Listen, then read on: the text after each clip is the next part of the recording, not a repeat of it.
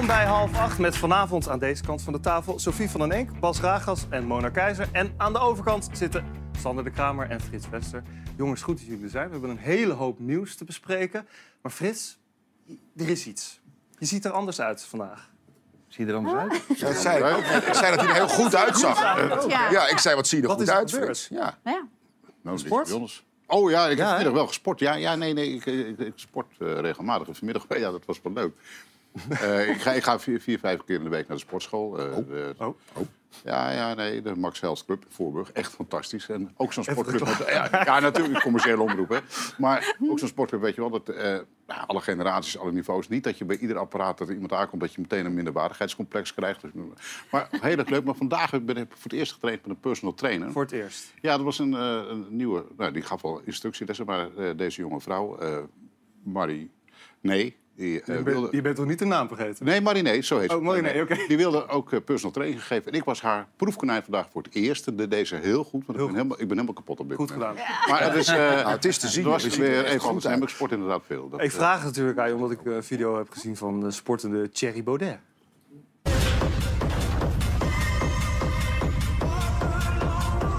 Vind het zo leuk dat hij zijn t-shirt zo heeft opgekropt. Dat vind ik zo leuk. En dat hij zijn buikje zo leuk En uitzet. zijn buikje is er nog niet weg, zie ik. Maar Mona, die armen, komt dat door het vaccin? Ik was vooral gefocust op zijn buik. Ik denk, daar moet nog een hoop werk aan verricht worden... voordat dat een sixpack Maar hij doet het. Maar ik Sorry, hoorde, is dit ik erg? hoorde vooral de muziek van Scarface op de achtergrond. Misschien is daar Heftig ook... muziekje. Er is ook eh, kritiek eh, v- eh, van op Twitter natuurlijk. Eh, laat nog eens één keer zien dat filmpje. Armen, eh, moeten, hij moet ze verder doorstrekken. De ellebogen moet je net voor je romp en bovenlichaam stilhouden. Hij doet het eigenlijk voor Jan Lul en hij moet een andere trainer zoeken, zegt eh, Tim Hofman. hij is er niet goed Ja, nee. Frits, maar hij is niet de enige politicus die dit doet. Nee, nee, nee, dat- is wel grappig. Kijk, eh, alle grote leiders willen zich vaak eh, ja, zo sportief laten zien. Eh, Ja. Poetin met ontbloot bovenlijf op een paard of met een hengel. En destijds Bill Clinton en de vader en zoon Bush lieten zich graag hardlopend filmen. En eh, nou, Thierry Baudet vo- voegt zich nou bij die grote leiders. Maar opvallend in Nederland Ja. dat eigenlijk alleen CDA-lijsttrekkers dat hebben gedaan. Jaap de Hoop Scheffer. Alleen CDA. Ja, Jaap de Hoop Scheffer eh, die liet zich graag hardlopend filmen in campagnefilmpjes. Buma op de racefiets. Ja, en eh Wopke Hoekstra, die eh, zit... Ja, daar heb je Buma op de racefiets. Eh, Heel, die heeft heel vaak met bokshandschoenen Ja, boksen, aan. ja. Dus dat zijn Hoe kan dat dat het alleen bij het CDA is, Mona? Ja, sportieve mensen, denk ik. Ja. mensen, ja, logisch. Doen Hey, jullie ook vaak bootcamp dan met elkaar? Nee, nee, dat niet. Er is trouwens ook een foto van mij in de sportschool. Die missen jullie dan. Oh, jammer. Ga, laten we Ja. volgende keer zien. Volgende week ben je er waarschijnlijk weer. Iets anders. Want een dronken man heeft in Moskou een poging gedaan... om het gebalsemde lichaam van Lenin uit het mausoleum te stelen. Het is hem niet, het is hem niet gelukt. Maar Bas, Ja. begrepen dat jij nogal een kleptomaan bent, toch? Nou ja, ik, ik, ik, eh, ik ben altijd wel kinderlijk enthousiast. Maar ik zou dit niet zo snel doen. Dit niet. In het, in het, in het Rusland van Poetin. Nee, nee. Maar wel iets gestolen waarvan je denkt... ja, daar, daar denk ik nog wel eens aan terug. Nou, het eerste singeltje wat ik ooit eh, beluisterde... dat was She Was Hot van de Rolling Stones. Dat had ik ook eh, per ongeluk meegenomen. Ja? Uit Discoland in Lisse. Mijn excuses. Eh, maar ik ben in 1988 in studio, eh, Universal Studios geweest in Ja? Los Angeles. Toen was ik met mijn broers en mijn ouders. Waren naar Universal. En daar stond een groot... ja, de Jaws van de film. Die stond Ja. daar eh, net achter een eh, soort touwtje. En mijn broer heeft mij zo vastgepakt. en die heeft mij zo naar voren. En ik heb daar die tand losgerukt van Jaws. Ja? En eh, dus die heb ik thuis nog. Een soort rubber tand met een, met je soort eh, cartoonachtig dingetje. Ik zie Sander kijken naar je. Dat is mijn verhaal. Precies hetzelfde. Krijgen we nou? Echt. Jules, de voortand van Jules. Nou, die heb ik Wanneer heb jij... Wanneer was jij er dan? Ja, eh, ik was 16. Nou Ik, ja, zit echt met zo, ik zit echt voor mijn verbazing te kijken. plek ook. Precies, Ja, ja. je hebt Jullie vlak voor de uitzending Ik verteld. vertel het tegen jou. Ja. Ja, ik vertel jou. Ja, denk Je ik wel, zou, wat- je zou denken, dit is een vooropgezet plan. Dat is het niet. Jij hebt hem echt gestolen. Ja, ik heb hem ook thuis. En jij hebt hem Heb ook hem nog? echt gestolen. Ja, ik Nou ja, ik denk dat het dan gewoon een... Hoeveel soort- mensen op de wereld ja, ik- de ik- tand van Ja, Jules ik maar was, heb jij gezien? Nou, want ik, ik, ik schrok er heel erg van. Ik snap ook niet wat. Ik denk door de jetlag en ik denk, oh wauw, Jaws, kom, we gaan die tand pakken. Wie- doet zoiets? Nee, ik deed dat. Jij ook? En, en die Jaws, die, had, die miste dus gewoon één voortand zo Ja. in die bek. En toen, nou ja, toen vond ik het best wel heel erg shocking. Toen zijn we heel hard weggelopen. Ja. Ik denk dat Hoe alle jongetjes van Sander? 16 dat doen. Nou ja, ik, eh, ik, ik was 16 en ik ging met mijn vader mee op reis. Want die was eh, 25 jaar bij Douwe Egberts. In welk jaar? En toen mochten we, mochten we dan, ja, ik ben nu, eh, ik ben nu 22, dus dat is lang geleden, hè? En toen gingen we daar naartoe, maar ik denk dan dat het een soort van... eh, hij kwam de man uit het water bij een attractie. En nu was hij... Hij, hij, Hij stond daar gewoon ergens achter een- hek. achter stond een hij. hekje ergens. Nou ja, dat is misschien wel hetzelfde jaar, maar dat was ik eerder. Want ik, had, hem- ik, ik kon het geluid zelf nog herinneren. Het was womp. Dat geluid. Had jij dat ook? Maar was Toen die van hem jou ook rub, van rubber? Ja, tuurlijk was die van rubber. Dacht jullie jij? waren niet daar samen? Maar je hebt hem niet meer. Ik heb het niet meer, nee. Geen bewijs. Jij hebt wel bewijs. Ja, ik, heb, ja, ik ga hem opzoeken. Ik zal hem morgen even op Twitter gooien. moeten duiken, ja, want hoe, het- hoe het precies is gelopen. Ik vind het wel een mooi verhaal. Maar het is niet het enige wat je hebt gestolen. Nou, ik was vroeger, dat was wel een beetje een boefjesactie. Ik ging dan, eh, als iemand jarig was, met een achternaam, bijvoorbeeld eh, Harry Beumer... Dan ging, ik de, de, dan ging ik kijken in het straatnamenboek, waar is iets met Beumer? En dan had je de Beumershoek in Ja. Den Helder, noem maar wat. Dan ging ik naar Den Helder en dan ging ik zo'n bord eraf halen... en die gaf ik dan ingepakt voor zijn verjaardag. Dit is dus echt een en dan kreeg die Beumershoek en hij van, nou ja... Ja, het is, ik ben er ook mee gestopt, hè. Toen was ik 18. Dus dat is vier jaar geleden. Goed dat je ermee bent gestopt. Reis? Vier jaar geleden. Hey, laten we het over serieuze zaken hebben. Morgen is de EU-top in Brussel waar over een opmerkelijk voorstel zal worden gesproken. Build that wall. Build that wall. Build that wall. Lange tijd was het in Europa onbespreekbaar. Maar de EU-leiders zinnen nu toch op hekken en muren langs de grenzen van Europa. Geldschieter? De EU zelf. Nu al staan er in sommige landen hekken, maar dat hebben de landen zelf gerealiseerd. Mark Rutte is al weken een rondje langs de Europese velden aan het doen om de handen op elkaar te krijgen om de instroom van vluchtelingen te beperken. Veel keuze heeft hij ook niet. Dit heeft hij aan de VVD-achterban beloofd. Moet er een hek om Europa komen? Nou Mona, vertel maar. Vind jij dat een goed idee? Eh, Ik denk dat er uiteindelijk wat moet gebeuren en een hek gaat helpen. Dat heeft trouwens al in 2015 geholpen, hè, toen Orbán eh, een hek eh, neerzette. Weet je, het is, het is zo jammer dat deze discussie elke keer verzandt in die frames van... ben je voor of tegen een hek, ben je voor of tegen Europa... Dat is op zich niet gek, toch? Ja, ik vind dat heel jammer. Waarom? want- omdat dit nou echt een onderwerp is dat als er niet iets gebeurt... dan groeien we vanzelf naar 18, 19, 20 miljoen mensen. En we hebben nu al niet te huizen om die mensen te huisvesten. Het onderwijs en het personeel voor de kinderen, mensen in de zorg. En als je vindt dat mensen hier naartoe eh, moeten kunnen komen... dan moet je ook zorgen dat je voor ze kunt zorgen... Maar wat ik soms ook nog wel eens ingewikkeld vind, is... Ik, ik zag vandaag weer eh, ergens iemand voorbij komen eh, van, van de ChristenUnie... die zegt van ja, mensen die vluchten voor oorlog en geweld... moeten een veilig heenkomen kunnen vinden. En dan denk ik, ja, vind ik in principe Daar is ook. iedereen het mee eens. Daar ben je het mee eens. Maar zorg dan dat ze hier ook allemaal netjes kunnen komen. Ja. Het is nu een soort rad van fortuin. Haal je wel of niet levend de overkant. Maar als we even focussen op dat hek. We hebben een plaatje van hoeveel hekken er wel niet zijn op dit moment in Europa. Het zijn er meer dan eh 2000. Het zijn er eigenlijk alleen maar meer geworden. Kunnen ze even laten zien? Eh, het kaartje met alle hekken door heel Europa. Ja, hier zien we ze. Eh, met rode lijntjes ook. Op best wel wat plekken zijn ze er. Maar bijvoorbeeld ook in Litouwen is een 500 kilometer hek gekomen. Hoeven er ni- niet heel, heel erg op in te zoomen hoor. Maar daar heeft het niet gewerkt de afgelopen periode. Frits, is dit een voorstel Nou, wat er gaat komen? We hebben nu zo'n 2000 kilometer een hek eh, rondom eh, Europa staan. En het voorstel morgen gaat niet zozeer om het plaatsen van nog meer hekken. Maar wie gaat die hekken betalen? En, eh, want die landen betalen het nu allemaal zelf en dan Ja. zou Europa dat moeten betalen. Mark Rutte zit in die zin in een wat lastige positie. Want die wil wel graag eh, een hek, hekken. Eh, het CDA wil ook hekken. Op Hoekstra, afgelopen zaterdag op het partijcongres dat nog weer gezegd. De ChristenUnie, coalitiepartner, is niet tegen een hek. Maar er moet wel een deur in zitten, zeggen ze. Ja. En eh, D66 is mordicus tegen hekken. En dan vinden CDA en VVD dat eh, asielzoekers eigenlijk aan de buitenkant van het hek hun aanvraag moeten doen. Dat moet dan in behandeling worden genomen, dan moet iedereen verdeeld worden. ChristenUnie zegt nee, die aanvraag moet aan de andere kant van het hek. Dus Mark Rutte heeft niet echt een eenduidig Nederlands standpunt namens Nee. de regering. En dat maakt het ingewikkeld. En nou, morgen gaat het vooral over de financiering van dat hek.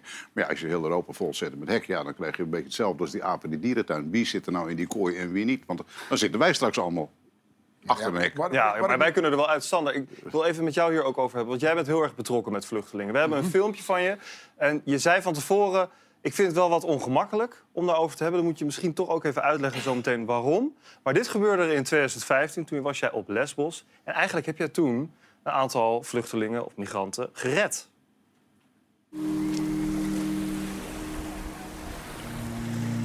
Maar het lijkt wel alsof ze om hulp zwaaien. En die jongen drijft af. Ja, ik ga er wel in anders, jongens.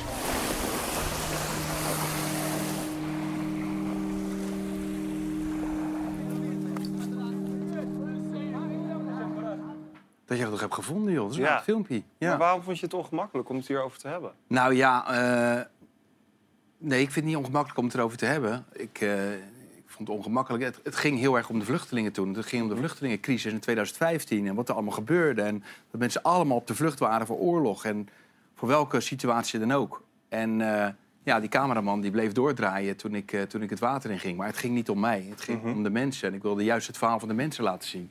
Daarom vind ik het ongemakkelijk. Maar eh, ja, ik, ik, ik- Ben jij ik tegen vind, een Ik hek? vind een hek vind ik wel een ding hoor. Ik denk Ja. inderdaad, ik ben wel een beetje met Frits eens. Die hekken die maken het natuurlijk wel ook wel heel ongezellig allemaal. Wat, wat, wat, wat, wat zijn we nou aan het doen met alleen maar hekken bouwen? Er staan al heel veel hekken in Europa, heb je net laten zien. En er, zitten, er zitten op dit moment mensen vanaf een 14-jarige leeftijd... zitten ze al heel lang bijvoorbeeld in Servië. En die komen er ook al niet doorheen, omdat er al heel veel hekken, hekken staan. Ja, en het argument van D66 hè, is natuurlijk dat het werkt natuurlijk enorm de mensensmokkelaars in de hand. Want mensen Zeker. gaan een weg proberen te vinden. Het wordt alleen veel lastiger. Mona, zie er jij nog dat meer voor ook? Dat betalen. je mensensmokkelaars in de hand werkt? Ja, weet manier? je, de afgelopen, vol- volgens mij ligt hij nog in de kiosk, dus je kan hem nog eh, halen. De eh, Elsevier Magazine heeft afgelopen week echt een heel mooi, ehm, een 111 vragen, een mooi artikel, 111 vragen over het hele eh, vraagstuk. En er zitten zo ontzettend veel kanten aan. En zorgen dat mensen niet naar binnen komen die hier niks te zoeken hebben, is één kant. Maar het hele, de, de kerstboom aan regelgeving die we hebben gemaakt... waardoor je het zo lang als mogelijk hieruit kunt houden... Tot, totdat er een volgend pardon voorbij Mhm. komt... is ook een reden waarom het hier gewoon misloopt. Maar En- waarom vind jij meer hekken dan wel een goed idee? Want Leo Lucassen van de Universiteit Leiden... die tweette afgelopen, afgelopen week... meer hekken is meer doden en minder menselijkheid. Ja. Ja, en alsof het nu wel goed gaat. Kijk, meneer Lucas is gewoon een voorstander van iedereen die hier naartoe wil komen, moet hier naartoe kunnen komen. En weet je, het feit dat is, is, ook gewoon. te kort door de bocht. Hij is Ja, hoogleraar daar aan de universiteit. ja, maar je kan je- kritiek op hem hebben, maar dat is wel te kort door de Nou, bocht. en toch, als je hem volgt op Twitter, en dat doe ik, zie je wat dat het geval is. Het punt is gewoon, en daarom vind ik zo'n zo'n filmpje... het is buitengewoon tragisch, maar tegelijkertijd laat het goed zien... hoe het beleid nu in elkaar zit. Wie haalt levend de, de, de overkant? Mhm. Alsof in die landen van herkomst niet heel veel mensen zijn... waar het ook beroerd voor is. En hier zo langzamerhand lopen we tegen de grenzen aan. Wat dus er zullen een aantal zaken moeten veranderen. Het moet minder makkelijk zijn om hier naartoe te komen. Ja. Je moet zorgen dat mensen eigenlijk het liefst daar ehm, een, eh, een aanvraag in kunnen dienen. En dan ook snel eh, beantwoord eh, krijgen. Je zult ook moeten zeggen, we kunnen niet iedereen opvangen. Nu is iedereen die dus levend de overtocht haalt en hier naartoe komt... ehm, mag je dan ook zijn. Maar als je bijvoorbeeld kijkt naar de dat is hoeveelheid... niet waar, die mag je dan niet per se zijn. Die Ja, ook een heel deel daarvan teruggestuurd weer. Nee, Die dat is moeten niet dan waar. Als je, kijkt, doen. als je kijkt naar de percentages van asiel die worden toegekend... hebben wij een heel hoog percentage in vergelijking met andere Europese landen. En het is ook zo dat mensen die, waarvan dan gezegd moet, u eh, moet weg... gaat ook maar een beperkt deel weg. En het is niet dat ik niet vind dat je voor mensen moet zorgen... die nergens anders eh, terecht kunnen komen. Maar het systeem zoals het nu loopt, dat is gewoon aan het vastlopen. En het leidt ertoe dat degenen die het sterkst zijn, het slimst zijn en het meeste geld hebben, hier ook Ja. terechtkomen. Bas, dat is toch ook niet eerlijk? Nou ja, wat, ja, ik ben het voor een heel groot deel met, Mona eens. En ik, eh, ik ben enorm voor een humaan eh, sociaal beleid. Ik ben wat dat betreft hartstikke links. Maar wat ik niet begrijp is aan, de, aan, aan, de, aan die kant... Ik snap, eh, als we het hebben over... eh, Euro- ik ben enorm pro-Europa, maar dat is het huis Europa. Ja, dat je een, een hek om je tuin heen zet, lijkt mij logisch. Een fort. Eh, ja, Fort. nou ja, mensen willen naar Europa. En dat is ook niet zo gek. Nee. Jij hebt veel gereisd, ik heb veel gereisd. Ik zou, als ik in een ander land zou wonen dan Europa... zou ik ook naar Europa willen. Maar er zit een grens aan. Dus je moet een humaan asielbeleid hebben. En dat moet je dus heel erg goed weten te controleren. Ik vind sowieso dat Noord-Europa natuurlijk mee moet betalen... aan wat er in Zuid-Europa aan alle grenzen gebeurt. Of in Oost-Europa. Want anders is het wel heel erg makkelijk naar de buren schuiven. Maar natuurlijk moet je die grenzen bewaken... zodat je heel goed kan zien wie naar binnen en wie naar buiten komt. Sander, snap zie je, zie je dat ook? Dat, niet je- zo goed dat, het, dat het waarom systeem dat- volledig vastloopt en dat dit dan misschien toch een optie is om mensen tegen te houden? Nou, ik denk dat je aan de voorkant moet, eh, moet gaan, eh, iets moet gaan doen. In die dat- landen daar zelf? Ja, tuurlijk. Ik denk dat, eh, dat juist als je daar stimuleert... Bijvoorbeeld, wij houden onszelf natuurlijk ook wel rijk met onze handelsembargo's. Weet je? Ik bedoel, de- er zijn hele oorlogen worden er om cacao gevoerd... Omdat mensen de bonen mogen leveren, de grondstoffen, wat heel goedkoop is en niet het totaalproduct. En ik denk dat we op deze manier houden wij onszelf rijk. En, eh, en, en, en als je dat gaat opwerpen met, eh, met enorme muren, dan denk ik Maar het dat kan je... en-en zijn, toch? Het kan toch zijn dat je zegt, oké, we gaan een humaner economisch beleid voeren... Maar we houden ook een grens aan en zeggen... jongens, ja, hier, dit is de grens, hier zit een hek, hier is een muur. Hier moet je naar binnen. Zeg, Hier start je procedure. maar- Hier start je procedure. Maar als je alles opengooit, dan krijg je dus inderdaad enorme mensenstromen. Ja. totaal, en, daar, en daar voed je dus alleen maar populistische bewegingen mee... die zeggen, jongens, we willen helemaal niemand meer. En ik ben enorm voor eh, een humaan asielbeleid. Nou, weet je wat het is? Ik heb één keer met een eh, visser uit Senegal ben ik, eh, ben ik op stap geweest. En die ging de oversteek maken via de Canarische eilanden toen. En ik heb erbij gezeten dat hij afscheid nam van zijn kinderen. En dat hij zei, papa gaat nu naar Europa. Want ik, ik vang niet genoeg vissen meer om jullie naar school te laten gaan. Er zijn gewoon te weinig vissen nog in de zee. Ja. Dat is allemaal weggevist door, Door de Chinese, Chinezen, ja. Europese, Aziatische ja.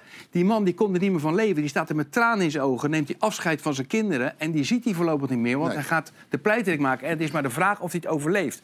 En als je dat hebt meegemaakt, dan sta je er toch ook wel anders Nee, in, hè? En jij zegt het de problemen daar in Senegal moet voor Nou ja, gewoon sowieso in. Afrika. De mensen, mensen worden natuurlijk al... eh, ik bedoel, waarom worden mensen piraat in, eh, in, in, in Somalië? Ja, dat heeft ook te maken omdat die, vis is, die, die hele zee is leeggevist. Nou ja, Misschien was ik het ook wel geworden. Maar daar zijn we het over eens. weg. Nee. Maar daar zijn we het over, over eens. Maar ik neem toch ook aan dat we het met elkaar eens zijn... dat we niet de hele wereld kunnen Dat opvangen. snap, dat snap ik heel erg. Maar weet je, helemaal vanaf de helikopter bekeken...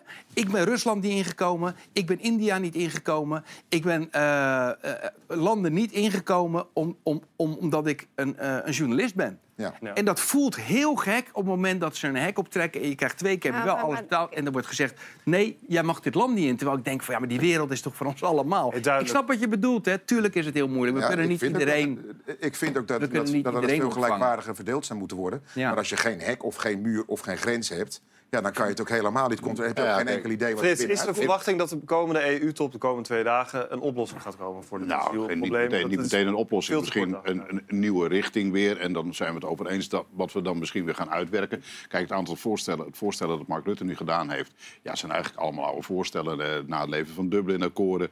Mensen die hier echt niet, eh, geen kans maken... die alleen maar nou ja, uit Tunesië en Marokko komen... die krijgen we niet meer teruggestuurd. Eh, dat moet dan beter worden. Het zijn eigenlijk allemaal oude voorstellen. Kijk, het naleven van Dublin-akkoorden is allemaal prachtig. Hè? Dat je in het land waar je binnenkomt... eh, daar ook je als eerste die aanvraag doet. En dan ja. niet doorwandelt naar al die andere landen, hier naartoe bijvoorbeeld.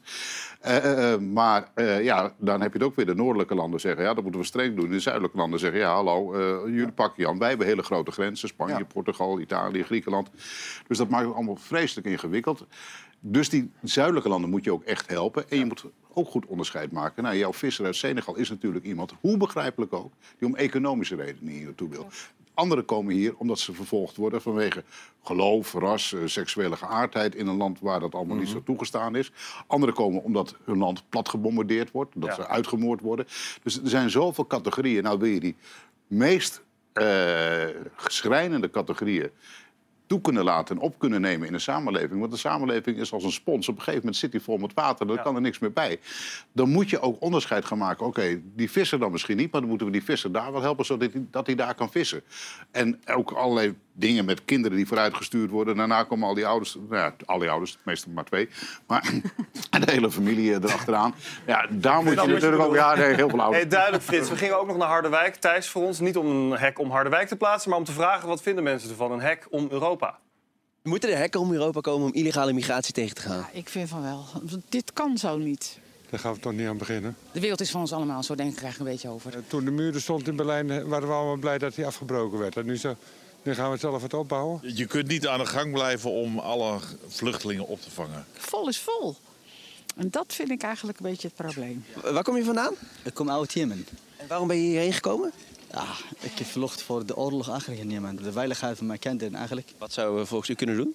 Nou, ik weet niet of, of ze de mogelijkheden hebben om de, in het buitenland te helpen aan woningen en, en toestanden. Dat vind ik wel een goed idee. Door de oorlog alles, alles in, in stort, alles, alles verwoest eigenlijk. Mensen die hebben geen geld om te leven en om te eten eigenlijk. Dat is het probleem voor onze landen eigenlijk. Moeilijk ook om te delen. Om een stuk van onze welstand af te staan. Om anderen te helpen. Dat is ook een uitdaging. Bent u dankbaar? Ik heb praat met mijn, met mijn kinderen altijd. Die land die geeft ons, eigenlijk, eh, ons veiligheid eigenlijk. Die land die heeft ons alles gegeven eigenlijk. We moeten iets terug doen voor deze land eigenlijk. Ik ben dankbaar voor, het land, voor Nederland. Voor de mensen, voor, de land, voor, voor alles eigenlijk hier in Nederland. Ja. Goed, we gaan het hebben over de grenzen van humor. Fans hebben er lang op moeten wachten, maar een remake van Faulty Towers lijkt er eindelijk te komen, ondanks dat er soms kritiek is. Please, uh, senor, uh, Mr. Faulty want to say adios. He wants to... No, no, oh! Wie herinnert zich niet de onbeschofte hoteleigenaar Basil Fawlty, zijn vrouw Sybil en de Spaanse ober Manuel uit de serie Fawlty Towers? Just turn left out of the gate and straight on, and it's on your right.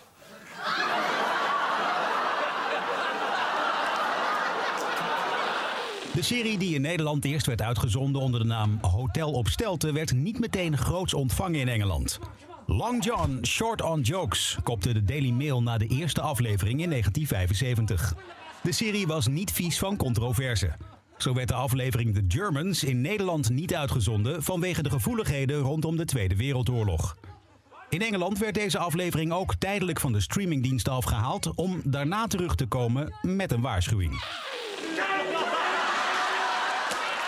Waar ligt de grens van humor? Ja, daar komen we zo op. Want we gaan ook nog even kijken naar The Germans. Maar Sophie, waarom ben jij zo'n groot fan? We hebben een tafel vol fans overigens. Ja. Sophie, waarom Ja. vind jij het zo prachtig? Nou ja, inderdaad, die Don't Mention the War eh, de aflevering is gewoon legendarisch. Dat is tot, tot op de dag van vandaag eh, eigenlijk, zoals misschien nieuwe generatie nu We Don't Talk About Bruno zal zeggen, zeggen wij inderdaad nog steeds, oh, Don't Mention the War. Ben je ermee opgegroeid? Ja, zeker. Ja. Ja, ik kon mijn ouders ook zo verschrikkelijk hard om lachen met elkaar. En Ook zo dat je voelde, dit is dus kennelijk heel grappig. Maar dat je als kind nog net niet helemaal snapt waarom. Dat ik dacht, ja, maar alles gaat toch mis? Dat is eigenlijk helemaal niet zo leuk. Maar, ja. En dan ga je het later zien en dan waardeer je het weer opnieuw. Mona, jij geniet er ook van? Ja, zeker. Het, het- ik vond, toen ik jong was, vond ik het wel ik, eh, ontzettend nerveus. Hè? Want de Ja. herrie en het gedoe en weet ik allemaal wat. Maar d- ja, dit soort, dit soort absurde humor, ik vind het heerlijk. Ja, in 2020 werd dus eh, die aflevering verwijderd van de streamingsdiensten van BBC vanwege dit fragment. May we have two eggs mayonnaises, please? Certainly. Why not? Why not indeed? We're all friends now, eh? A corn cocktail. All in the market together. Old differences forgotten, and no need at all to mention the war. Sorry, sorry. Listen, don't mention the war. I mentioned it once, but I think I got away with it all right. Here, watch. Who's this then? Strike you, but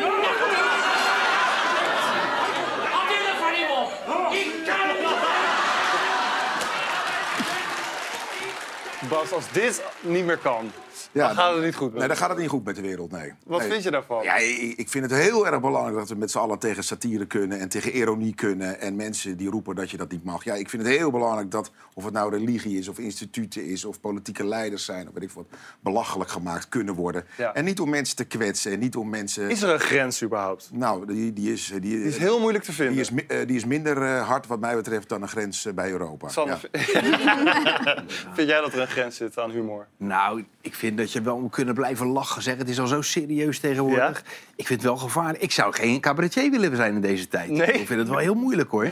Nou, weet je, ik had het er laatst met Maaike Meijer over. Die, eh, die, eh, van Toren C. Die speelt dan... eh, die, die spelen met z'n twee vrouwen met snorren. En, Ja, en die kunnen alles nog zeggen. Zeg. Ik kom zo goed weg dat ik... dat ik als vrouw kan ik vrouwonvriendelijke grappen maken. Zeg, ik ben de enige nog. Of Najib Amali, discriminatiedag. Ja. ja, weet je, het wordt natuurlijk zo serieus allemaal. De, de, de Ministry of Silly Walks van, van John Cleese. Fantastisch. Ik, ik, ja, ik hou ervan. Ik vind het geweldig. Weet je- Weet je wat, ik ook zo fantastisch vind? Eh, in, eh, deze, er zijn maar twaalf afleveringen geweest, hè, helaas. Nu komen er nieuwe. Maar eh, degene die Manuel speelt, nou, die is helaas overleden. Kan ook in de nieuwe serie niet meer meedoen. Maar als hij dan zegt van I'm, eh, I know nothing, I'm Manuel, I'm from Barcelona. Ja. In de Spaanse versie werd hij nagesynchroniseerd in het Spaans. Dan kwam hij niet uit Barcelona, maar uit Italië. dus de Spanjaarden hadden hij niet Barcelona, dus komt hij uit Italië. Maar, nee, maar dit, dit, dit, dit is echt briljant. Ik vind dat humor van de bovenste plank. Ja. Maar ik denk wel dat John Cleese, daar hadden wij het er net ook even over... dat hij niet meer kan wat hij toen kon. Hij was zo lenig. Hij kon echt zijn benen in zijn nek leggen. Nou nee, dat, kan niet meer op je leven. wat lastig. Dat is logisch. Nee, en Maar het hij is zo maakt- ze maken- legendarisch. Ja, dat, is juist, dat dat zijn juist die bewegingen die hij met zijn lichaam maakt. Wat John Cleese maakte tot een waanzinnige in Fawlty Towers. Ze maakten dus die grap over de Tweede Wereldoorlog. Jimmy Carr heeft dat ook de laatste tijd gedaan. Ook een holocaustgrap gemaakt. En dat heeft hem op nogal wat kritiek opgeleverd... van antiracisme, antifascisme eh, organisaties in Engeland. En het ging om de volgende grap. When people talk about the Holocaust,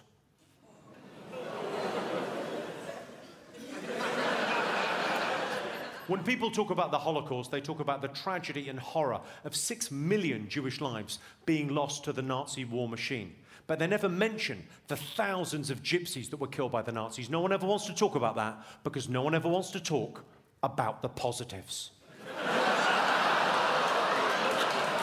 Dit. Nu valt het een beetje stil. Ja, Ja, dit- ja, dit vinden jullie niks? Nee. Ik niks. Dit gaat te ver? Ja. Ja? Ja, maar Waarom? niet alleen te ver. Ik vind het ook eh, gewoon echt onwijs... Ik vind het smakeloos en, eh, en heel erg beledigend. Er is dus wel een grens aan humor. Ja. Ja. Nou, maar het is, het, is een, het is een kwestie van, van... Ik vind dit ook trouwens... Ik hou hier ook niet van. Het- Weet je, verbaast me de dat jullie allemaal helemaal Nee, maar de stil- holocaust... Ik denk- Nee, ik maar- vond hem- Ik, vond hem, zelf- ik, Nee, ben maar- altijd nee. enorm voor de gereden, maar ik vond het ook niet grappig. Nee, maar, dat- maar Nee, weet je, oh, mensen nou, de holocaust, de holocaust, dat is echt zo'n onderwerp waarvan... Dat vind ik dus gewoon niet. grappig. Nou ja, en het moet ook echt een goede Maar- grap zijn. Dit is, maar is het- gewoon geen goede weet je, grap. het- Ik heb hier vanmiddag echt heel hard om gelachen. Ja, serieus? Maar dan, Nee. Misschien is het een generatiedingetje. Want Jimmy Carr die zegt hierover ehm, eh, dat het ook een e- educatieve waarde heeft. Het is een grap over het ergste wat er ooit is gebeurd in de menselijke geschiedenis. En we mogen nooit vergeten. En op deze manier hou ik die herinnering levend. Nou ja, het is Nou, nee, maar- maar- maakt het ja. nog extremer dan... Dus dit is niet eens meer cabaret, dit, is gewoon, dit gaat er nog een keertje drie keer overheen. Waardoor we er dus nu over praten. Waarom praten we niet over zigeuners? Waarom hebben we het inderdaad altijd over de, de joden in de Ja, Holocaust? maar, maar zit, Dat is misschien de grap. Er zit natuurlijk wel iets anders aan. Eh, Kijk, eh, satire mag mij in alle vormen en eh, ik vind het allemaal geweldig. Alleen het moet altijd wel herkenbaar zijn als satire. En op het moment dat iemand kijkt en dat niet als zodanig her- herkent... en ook niet de achtergrond van de grap begrijpt... Ja, dan, dan ga je nat met zo'n grap. En dan maar- kan dat maar verkeerd worden opgevat. En dan krijg je dat jij gaat zitten lachen erom. Wie is de verantwoordelijkheid is dat dan? De man die dat uitspreekt. Nee, dat vind ik helemaal niet. Natuurlijk, de was- was- er begrijp- was- Je kan mij toch niet als kijker verantwoordelijk houden daarvoor? Nee, ik vind dat Of jij als cabaretier of als komiek mag jij de grap maken. En dan, is, dan, dan ben jij toch niet verantwoordelijk of die man Nou ja, of die grap wel of niet aankomt. Nou, maar nou, ook een cabaretier heeft een bepaalde verantwoordelijkheid, vind ik. Ja, zeker. Waarom? Nee, maar je, je hebt als, je hebt als cabaretier toch geen verantwoordelijkheid dat, Nee, dat, dat iemand de Nee, maar grap begrijpt nee, en nee, als, het, en de nee, kijk, als het zo ingewikkeld wordt dat iemand die eh, oppervlakkig kijkt of niet helemaal de geschiedenis goed kent, dit ineens als heel lollig gaat beschouwen. Nou ja, dat zigeuners worden uitgemoord. Dus dit. ja, maar dat, is bij, dat is bij heel veel cabaretiers. Bij Louis. C.K. of bij Hans Theo dingen. Die maken allemaal grappen voor een hoog intellectueel eh, pu- publiek. En op een gegeven moment neemt de grote massa het over. En die gaan dan juist lachen om de verkeerde grappen in het, in het programma. Dat Mm. gebeurt bijna bij alle eh, Ja. s- scherpe cabaretiers. Waardoor er opeens een heel groot publiek komt... die heel erg moet lachen om de haha, de racistische grap... en begrijpen niet de onderliggende achter, achterliggende gedachten. Ja. Maar daar is, de, daar is de cabaretier toch niet voor, voor, voor verantwoordelijk. Duidelijk, goed punt Bas. We gaan het hebben over het vertrouwen in de politiek. We weten natuurlijk allemaal dat dat ontzettend laag is. Maar de SP denkt met een oplossing te kunnen komen. SP-Kamerlid Renske Leijten wil het referendum terug. Maar een referendum, wat is dat eigenlijk? Een instrument in handen van de inwoners van Nederland over een be- genomen besluit van het parlement om het volk te vragen om zijn mening. Nederlanders mogen dus stemmen over genomen beslissingen in Den Haag. En Leijten wil dat de uitslag bindend is. Om dit mogelijk te maken is een grondwetswijziging nodig. Iets waar de SP vandaag voor vocht in het debat. In het verleden hebben we een aantal referenda gehad. Deze gingen over de Europese grondwet, het associatieverdrag met Oekraïne en de sleepwet. De politiek kon de uitslag daarvan alsnog na zich neerleggen. In 2018 schafte kabinet Rutte 3 het referendum af. Nu gaat het om een bindende variant, waarbij het volk de politiek terug kan fluiten. Is het referendum de oplossing voor het wantrouwen in de politiek? Mona, wat denk jij? Een oplossing. Een, van de oplossingen. Ja, ik ben, Dat is wel een goed idee. ik ben hier. Op zich opvallend, want het CDA... Ja, dat weet Ja, ik. Dat weet ik. Maar als je kijkt... die niet Ja, maar ik ben niet meer het CDA. Oh ja, dat is waar. Ja, Ik vergeten. Ja, ja, het ook alweer. Maar bijvoorbeeld het CDA in Limburg heeft een keer in het verkiezingsprogramma opgenomen... dat daar referenda's plaats konden vinden. En ja, ik ben er eh, wel een voorstander van. Waarom? Overigens, omdat... Omdat als je, als je kijkt naar de Haagse eh, politiek, dat is een, een, eh, toch een, een compromissenmachine geworden. Waarbij heel veel mensen denken: Hè, wat? Wanneer is dat nou besloten? Als je kijkt naar het, eh, eh, het voorstel, het is trouwens voor de tweede keer dat ze het doet. Hè. Daarom was de Raad van State nogal kort af in Ja. het advies. Eh, hebben we al een keer gezien, is gestrand in juli 2022 in de Tweede Kamer. Dus nu zeggen we er niet zoveel eh, over. Maar als je naar het advies kijkt, wat daar niet in zit... en dat vind ik ook iets waar we echt een keer over moeten hebben... het gemak waarmee allerlei internationale verdragen... en internationale verplichtingen opgelegd worden aan Nederland... zonder dat daar nou echt over gesproken Heel veel leidt tot Brussel. Wat wel interessant is, volgens mij ben jij de enige hier aan tafel die het een goed idee vindt. Oh. Dus Nou. we gaan kijken. Vind jij het wel een goed idee, Frits? Nou, ik volgens mij ben jij al- nogal kritisch op, op, het, op dit Ja, nou, ja, ja, ik bedoel, ik ben echt voor de eh, representatieve en ver- vertegenwoordigende democratie. Daarvoor heb je ook mensen gekozen. Of zoals een cameraman het ooit zei bij het Oekraïne-referendum tegen mij. Ja, dan ga ik één keer in de vier jaar stemmen. Wordt het moeilijk, moet ik het ze weer zelf beslissen. Maar eh, ik vind het wel een nuttig middel als je het goed doet. Kijk, een raadgevend referendum vind ik echt een wassen neus. Want dat betekent in feite, dan hebben we dan een advies gegeven. Dan kan het kabinet er eigenlijk al niet meer omheen. Want zeggen ze, ja, waarom, als je dat toch niet doet, vraag het ons dan niet. Je kan het gewoon je moet, je het- moet het echt goed doen en je moet ook goed kijken naar de voorwaarden. En daarom Dit is- heeft wel echt impact. dit heeft impact, Ja. Maar vorige keer is het ook eh, gestrand. Omdat het eigenlijk voor partijen die eigenlijk wel voor waren... dit was veel te ingewikkeld. Dan heb je eerst 5000 mensen nodig, dan heb je zoveel men, duizend mensen nodig. Dan heb je heb je weer 400.000 een percentage van de opkomst van de verkiezingen. En heel erg ingewikkeld. Je moet het ook een stuk simpeler maken. Oké, we hebben een wetsvoorstel aangenomen door Eerste en Tweede Kamer. Dat leggen we dan als een groep dat wil. Dat moet je dan wel even normeren, eh, kwalificeren voor aan de bevolking. Ja of nee. Dan niet te ingewikkeld meer maken. Hou het dan ook simpel. Nou ja, dan moet je dat wel nu twee keer door de Eerste Kamer en de Tweede Kamer, twee keer door de Tweede Kamer. Nee, twee keer door de Tweede Kamer, Eerste Kamer, maar dan de tweede keer met twee derde meerderheid. Ja. vorige keer lukte dat niet. Ja, dat, dat is de, grond, de grondwet. het- is een grondwet je moet, je moet ook niet, Daarom licht- is dat. niet, niet lichtvoetig met de grondwet omgaan. Maar er zou best een kans zijn. En dat vind ik wel het goede van wat de SP nu doet. Van nu opnieuw meteen weer dat voorstel indienen. Zodat je het ook bij de komende... Het moet na verkiezingen nog een keer door, die andere, door beide kamers heen. Dat je het ook onderdeel van de verkiezingen kunt maken. En dan staat het ook in de programma's. Ben je ervoor of ben je er tegen? Kun je ook een partij uitzoeken die daarbij eh, bij hoort. Sophie, waarom ben jij geen fan?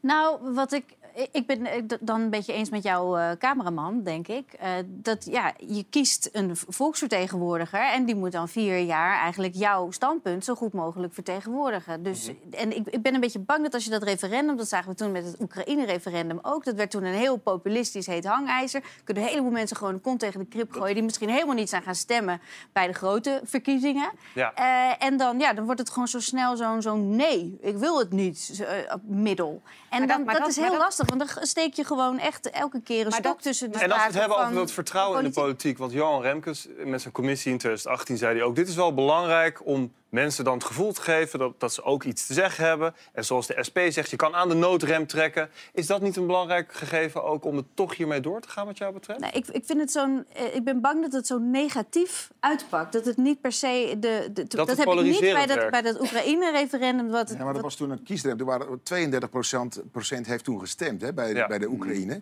En iets meer dan de helft. Dus dat betekent dat 17 procent van Nederland toen tegen dat eh, verdrag heeft gestemd. Dus ik denk, voor zo'n eh, referendum moet je gewoon minimaal 70 procent kiesdrempel hebben. Dat Maar- zeker maar Maar dat maar de hele meerderheid van Nederland Ja. zegt nee, dit willen we niet. We trekken nu aan de teugels. Precies. Maar Maar bij doordat je- 30 procent is het toch, als je dan, sorry, als je dan, hè, als je dan de Oh, helft heel hebt, ja, nee, maar als je de helft hebt van meer, iets meer dan de helft hebt van 30 procent, dan heb je dus 16 procent van Nederland Ja, maar die Mona? zoiets kan eh, torpederen. Dat is waar. Maar dat is wat, wat Frits ook zegt. Je moet wel zorgen dat het niet zomaar even een referendum kan zijn. Ja. Maar richting Sofie zou ik willen zeggen...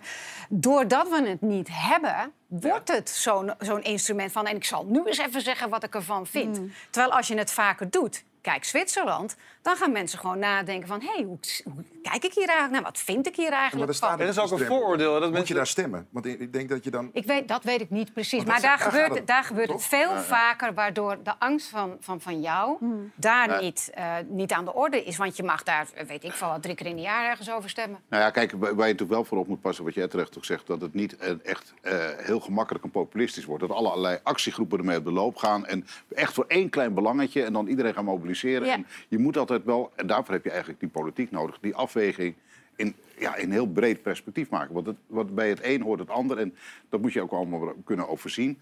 Dus daar, daar moet je dan wel eh, voorzichtig mee Want zijn. het is soms al dat je denkt van goh, de, de- de politiek moet wat langere lijnen uitzetten. Hè? Maar ja, gaan elke er keer zijn- van maar, verkiezing maar er zijn ook dingen. Kijk, het mag niet gaan over belastingen, dat is logisch. Want dan zegt iedereen, ja, natuurlijk moet dat naar beneden, die verhogen.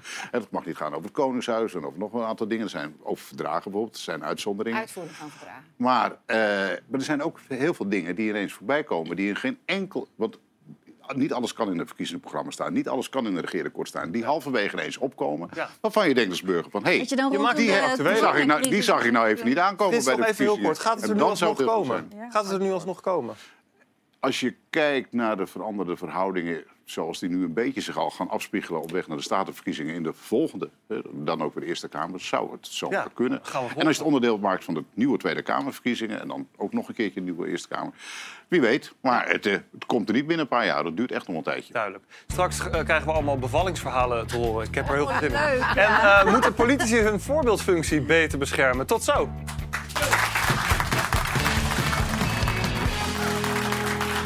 Terug. Dat social media bijzondere trends teweeg kan brengen, dat weten we al langer. Maar deze jongens, hier heb ik echt wel zin in hoor. Veel vrouwen delen online namelijk hoe ze zich opmaken voor en na de bevalling.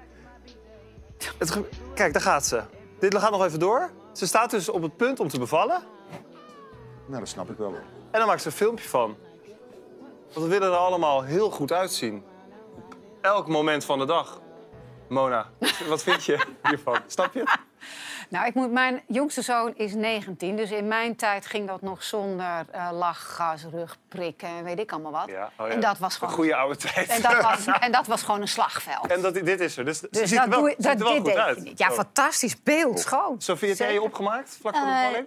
Nee, zeker niet. Nee, ehm, ik, had, ik heb ook eh, een oldschool bevalling eh, gedaan, want ik, ik wilde graag thuis blijven. Dus ja, dan had je ook, ook niks van die uh, poepeligijn. Maar ik heb het eh, niet gemist. Eh, eh, ja, ik had ni- niet op een moment zo'n gevoel van... jeetje, had ik nu maar mascara opgehad of zo. Nee. Nee, nee, dat was niet zo top of mind. zat jij daar eigenlijk? Nee, ik Was ben, ook niet, eh, ik ben ook niet bevallen met... eh,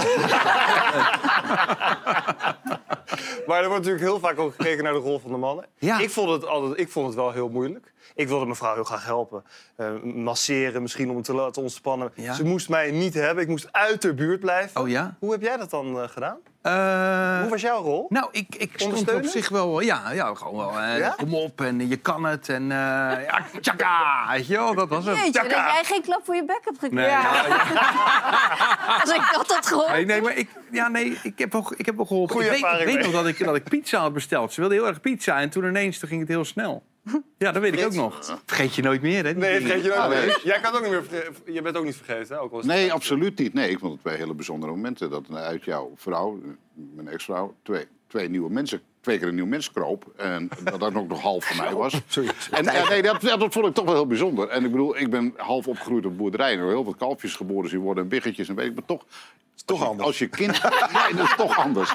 En eh, nou, het was allebei de keren gewoon thuis. En de eerste keer ging het allemaal zo snel dat de kraamhulp er nog niet was. Toen moest ik wel even helpen bij dingen. Ze waren ik niet? vond het heel bijzonder. Nee, dit, die was, kwam Toen pas toen het kind al... was? Toen het kind er Of, al eh, was. toen het kind er was? Ja, de, de verloskundige wel hoor. De verloskundige wel. Dus, nee, ik hoef niet alles zelf te doen. Maar eh, ja, verder ja, had ik een vrij dienende taak. Met koffie en limonade en eh, dat soort dingen. Pizza. Eh, nou, pizza in dit geval niet. Maar eh, ik heb niet met make-up do- dozen Nee. geslepen. Daar was geen behoefte aan geloof ik. Was die eh, verpleegkundige wel opgemaakt? De, de, de, de kraamzorgster, joh, het was twee, uur, twee drie uur s'nachts. En, En dit is 50 jaar geleden? Nee, sorry. Maar er is een serieuze kritiek daarop. Is dat als je dus eh, make-up, er zitten natuurlijk allemaal eh, parfumetjes in en Ja. zo. En voor een babytje is het heel belangrijk. Geur van de moeder. Dat, dat je de geur van Ja. je moeder, zonder Ja. dat er allemaal rotzooi op zit. Dus het is ook nog eens gewoon echt, Ja, maar echt niet zo tegelijkertijd, als, als een vrouw zich opmaakt bij de bevalling... doet ze het volgens mij de rest van de week ook. Dus dan is het wel weer consequent. ja, kijk, als je man dan Dat met zo'n videocamera staat... dan kan ik me daar nog iets bij voorstellen. Maar ook dat zou ik niet doen. Oké, duidelijk. Gaatje We je gaan, we gaan, we gaan de, bij de bevallingen laten. We gaan het bij, over die oude knar hebben in Amerika. Want de, afgelo- de afgelopen nacht waren de ogen natuurlijk gericht op Joe Biden en zijn State of the Union. Sinds zijn aantreden als president kennen we Joe Biden vooral als een man die soms moeilijk uit zijn woorden komt. America is a nation that can be defined in a single word. I was going to put him. Uh, put, put, Maar tijdens zijn State of the Union kwam Joe een stuk beter uit zijn woorden. Name me a world leader who changed places with Xi Jinping? Name me one. Name me one. Is Joe Biden sterker dan we denken? Sophie, Eh, is, er was dit een comeback van Eh, Joe ja. Biden? Eh, Ik stond even, de ondertiteling klopte niet. Hij zegt niet, het is een leider die zich kan meten aan Xi Jinping. Eh, hij, hij heeft het eigenlijk over hè, de- een land dat... eh, een, een democratie die... Nou, leidt ik Joe Biden wel. Ja. Eh, een democratie die... eh, of, een- of dat Xi Jinping eh, invloed heeft gehad op een ander land. eh, in een positieve zin, zoals Amerika. Oké, goed, dat is correct. eh, Hij was on, gecorrigeerd. ster- on steroids hier. In ieder geval. Hij was on steroids, maar was, het- was dit een comeback van hem? Nou ja, hij heeft het inderdaad hartstikke goed gedaan. Want mensen zitten altijd een beetje met samengeknepen billen. Van, oh, Ja, God, hoe zal het hè? gaan? Hij is natuurlijk eh, ja, 80, de oudste president van de Verenigde Staten ooit. Maar hij heeft dit inderdaad ontzettend goed gedaan. Een uur lang op de toppen van zijn kunnen. En ook daarvoor al, hè, want het is een lange entree dan eh, die, die, die zaal in en weer daarna. En dan moet je nog handen schudden en zo. Dus hij, eh, ja, hij heeft het gewoon ontzettend goed gedaan. En hij was ook quick on his feet, eh, zeggen ze dan. Dus hij had ook snel, eh, kon hij improviseren als er reacties uit de zaal waren. Of hij heeft ook een beetje van het script afgeweken af en toe. Ja. Dus ja, hij, eh, hij heeft wel laten zien, wat hij natuurlijk heel graag wilde... dat hij eh, gewoon sterk is en, en, en fit. Maar wel on steroids, zeg jij, Mona. Ja, want als je dit vergelijkt met wat je tot dit moment van hem hebt gezien... Niemand zag echt- aankomen. Dan heb je echt zoiets van, jongen, wat heb je, wat heb je gehad? Ja. Ja. Er was ook best wel eh, nou, een beetje ophef over eh, dat er nogal wat geschreeuwd werd vanuit de zaal. Laten we daar ook nog even naar kijken. Ja, dat is wel leuk. Marjorie Taylor Greene met een leuk bontjasje. And God bless. Oh, sorry, dit is een Dit ander is een beeld. andere president. Dit is een hele andere president. maar Mona, jij, had, eh, jij wilde het hier ook nog... Republicans Ja, nu want gaat het Medicare allemaal and door. Social Security to sunset. I'm not saying it's a majority. Let me give you anybody who doubts it. Contact my office. I'll give you a copy. I'll give you a copy of the proposal. That means Congress doesn't vote. Well, I'm glad to see you. No, Liar, liar, liar. Hmm. Wat vind je ervan, Frits? Vorige week hadden we hier Jan Dino... die de politici allemaal voor leugenaars uitmaakte. Waar jij bij zat. Ja. Wat vind je hiervan? Nou, toen zei ik van, het zijn niet allemaal leugenaars. Ja. Mooi. nou ja, kijk, even lo- lo- los van alle, alles wat er omheen zit. Wat het goede is van Biden, eh, vond ik nou de oproep om eh, echt weer samen te werken, ook met de Republikeinen. Eh, van, je moet over bepaalde tegenstellingen heen, wil je een land ook verder kunnen krijgen. Kijk, Trump die had het alleen maar over zichzelf de hele tijd en hoe geweldig hij allemaal niet was.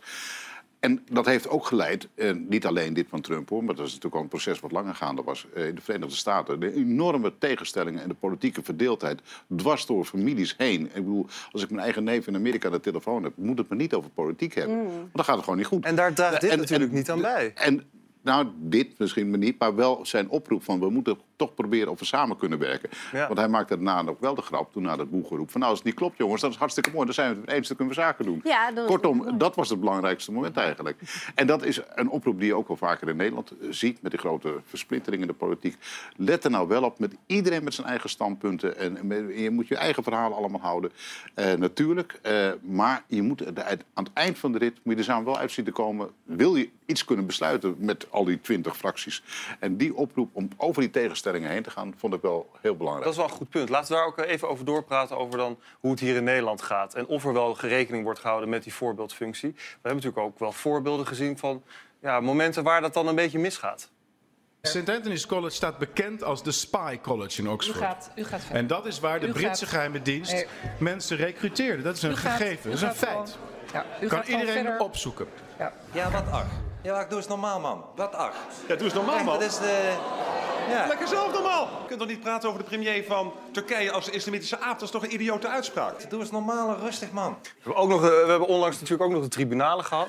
Ja, hier moet je misschien wel om lachen. maar Inmiddels. als buitenstaander schaam jij je nog eh, wel eens voor de politiek? Nou, het- het- ik ben vooral blij dat ik er niet meer in zit. Ja? Je mist het. Nou, wat ik mis, dat, dat, dat zijn eh, de mensen, de verschillende onderwerpen. Dat je 's ochtends nooit weet hoe de dag eindigt.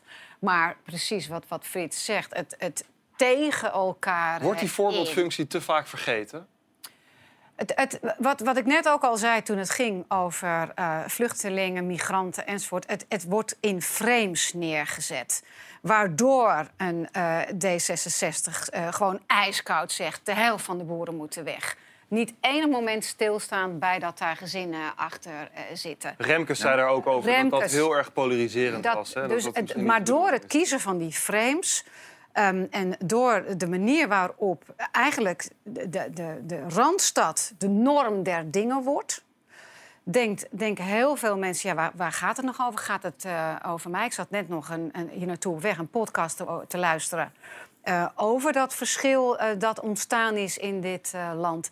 En doordat er in frames gesproken wordt, de werkelijkheid van Den Haag de norm, of tenminste de randstad de norm wordt, vergeten mensen af en toe dat er nog een heel groot gedeelte van Nederland is, waar de meeste mensen overigens wonen, die wonen helemaal niet in de grote Ja. steden, dat dat er ook nog is. Eens, Sophie? Nou, ik zit, ik zit echt nog even te denken ook aan, aan hoe Joe Biden dat dan deed vannacht voor de, voor de Amerikanen. Je hebt dus ook een enorme publieke tribune bij die State of the Union. Heel anders dan... eh, Eigenlijk is het de Amerikaanse troonrede, maar dat is heel statig. Maar hier wordt ook echt het publiek erbij betrokken. En ze hadden bijvoorbeeld ook iemand uitgenodigd die eh, aan de bruggen werkt. Want er heel veel moet gebeuren op achterstallig onderhoud. En die gaat staan en die staat te juichen. En dan zegt, hij ook, eh, dan zegt Joe Biden ook van... ja, weet je, daar gaat het om. De trots om te bouwen. En wij gaan het doen in Amerika. En dat is zo... da- Daar heeft hij echt in het oog voor. Juist dat buiten Washington, dat doet hij ook heel, heel sterk. En met een soort jovialiteit die je ook van hem aanneemt... met al die ervaring die hij natuurlijk meebrengt. Want ja, je bent niet voor niks 80.